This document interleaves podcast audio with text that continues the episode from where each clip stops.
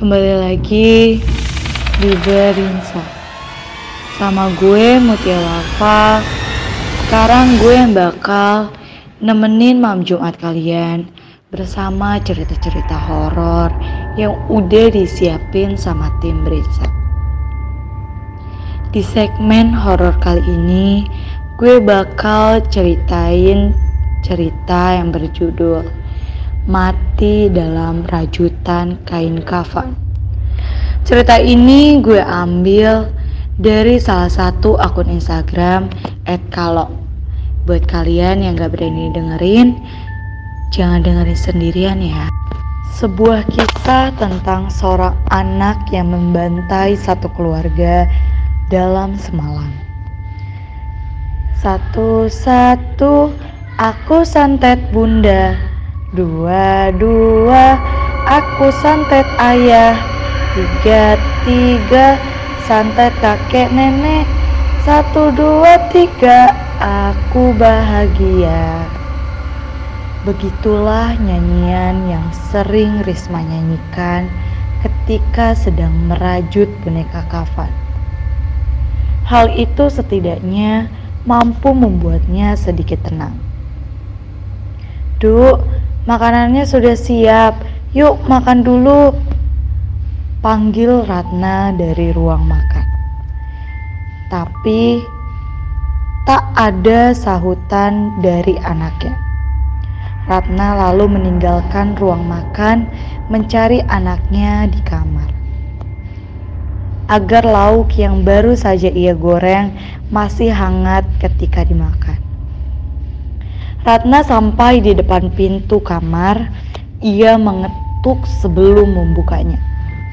Lagi bikin apa, Nduk? Tanya Ratna.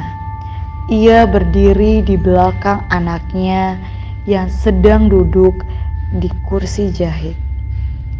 Sang anak diam saja, tak menanggapi pertanyaan ibunya. Ibu udah goreng lauknya, Yuk makan dulu, keburu dingin nanti.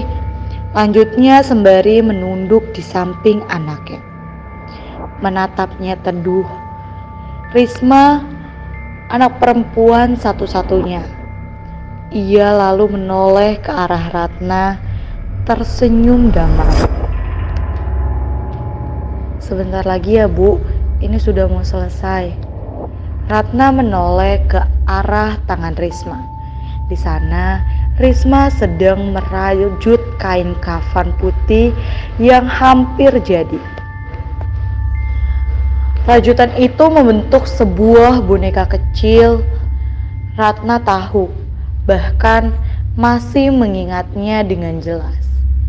Bagaimana Hasan, suaminya Ratna, sekaligus bapaknya Risma, tega meninggalkan Ratna dan Risma demi wanita lain. Hal itu juga didukung oleh orang tua Hasan yang lebih memilih wanita itu ketimbang Ratna dan Risma. Semenjak ditinggal bapaknya, Risma menjadi lebih pendiam. Setiap hari kesibukannya hanya merajut kain kafan itu membentuk boneka. Ratna menghitungnya. Ada sekitar empat rajutan boneka kafan yang sudah jadi termasuk yang sedang ia lihat. Ibu tungguin ya, ucap Ratna sembari menarik kursi kayu. Ia lalu duduk di samping anaknya. Tak lama setelah itu, Risma bangkit ia berjalan ke arah lemari kayu yang ada di sebelah meja jahit, membukanya dan meletakkan rajutan boneka kafan itu di dalam lemari. Sebelum beranjak, Risma menatap barisan boneka kafan sembari berucap lirik. Aku benci sama kalian semua. Malam itu sepulang jam kerja, bertepatan dengan malam Selasa Kliwon. Jalanan terlihat sepi dan lenggang. Tepat setelah belokan kedua dan memasuki jalanan core block, Sepeda motor itu melaju dengan perlahan. Sesampainya di ujung jalan, motor itu baru berhenti dan diparkirkan di halaman rumah tak seberapa luas. Risma turun dan berjalan ke arah pintu, mengetuknya dan menunggu pemilik rumah membukanya. Tak lama, pintu dibuka, muncul seraut wajah keriput. Risma masuk ke dalam. Duduk dulu, Nduk, ucap lelaki tua yang Risma kenal dengan nama Mbah Darmo. Risma lalu duduk di karpet warna merah. Ia menghadap ke arah Mbah Darmo dengan jarak satu meja kecil berisi taburan kembang warna-warni dan kepulan asap kemenyan. Tak ada raut ketakutan di wajah Risma. Malah yang ada di pikirannya saat itu bagaimana caranya mempercepat ritual ini agar semuanya selesai. Apa kamu sudah yakin? Tanya Mbah Darmo memastikan. Risma mengangguk. Syaratnya sudah kamu bawa semua, Nduk. Lanjut Mbah Darmo. Risma membuka tas ransel, mengeluarkan rajutan boneka kafan, foto cetak, dan empat helai rambut lalu disambut dengan anggukan kepala Mbah Darmo. Mbah Darmo menatap tajam ke arah Risma. Mbah tanya sekali lagi, apa kamu benar-benar ikhlas? Saya sudah tidak peduli lagi sama mereka mbah. Yang penting mereka mati. Itu sudah adil buat saya dan ibu saya. Jawab Risma dengan mantap. Mbah Darmo menatap sekali lagi ke arah Risma. Ia bisa merasakan beban berat yang dirasakan oleh Risma. Hidupnya hancur berantakan, cinta pertamanya terhadap seorang bapak musnah karena orang ketiga. Apalagi kakek dan neneknya mendukung untuk menyengsarakan cucu dan menantunya itu benar-benar tidak adil. Gumam Risma. Simpah ada dua pilihan, Duk. Ucap Mbah Darmo.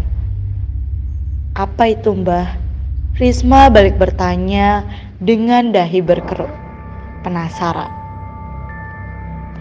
Pilihan pertama, biarkan jin prewanganku yang mengeksekusi atau pilihan kedua dengan pinjam sukmamu dan kamu sendiri yang akan mengeksekusi. Risma diam sejenak, berpikir mana yang lebih baik di antara dua pilihan itu. Tapi setelah itu Risma menggeleng. Saya punya cara sendiri, Mbah. Seakan tahu apa yang sedang dipikirkan Risma. Bah Darmo mengangguk paham. Baiklah, kalau itu maumu, akan Simbah kabulkan. Kalau begitu, mari ikut Simbah. Malam ini ritual basuh raga.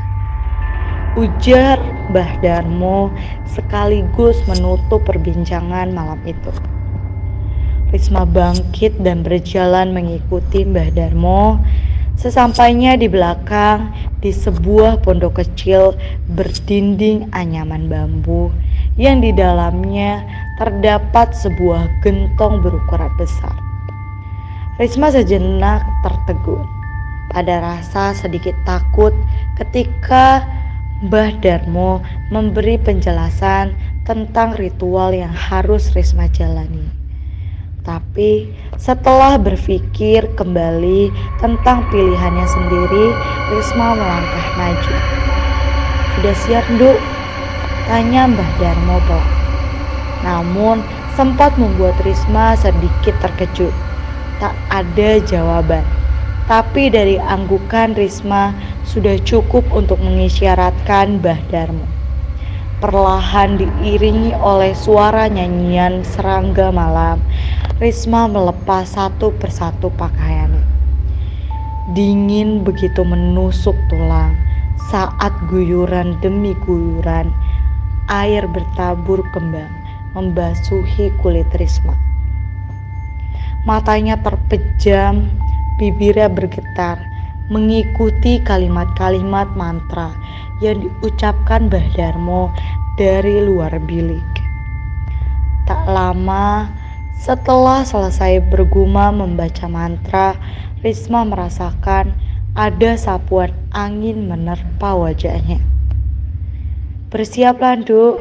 Sebentar lagi yang akan membantumu datang.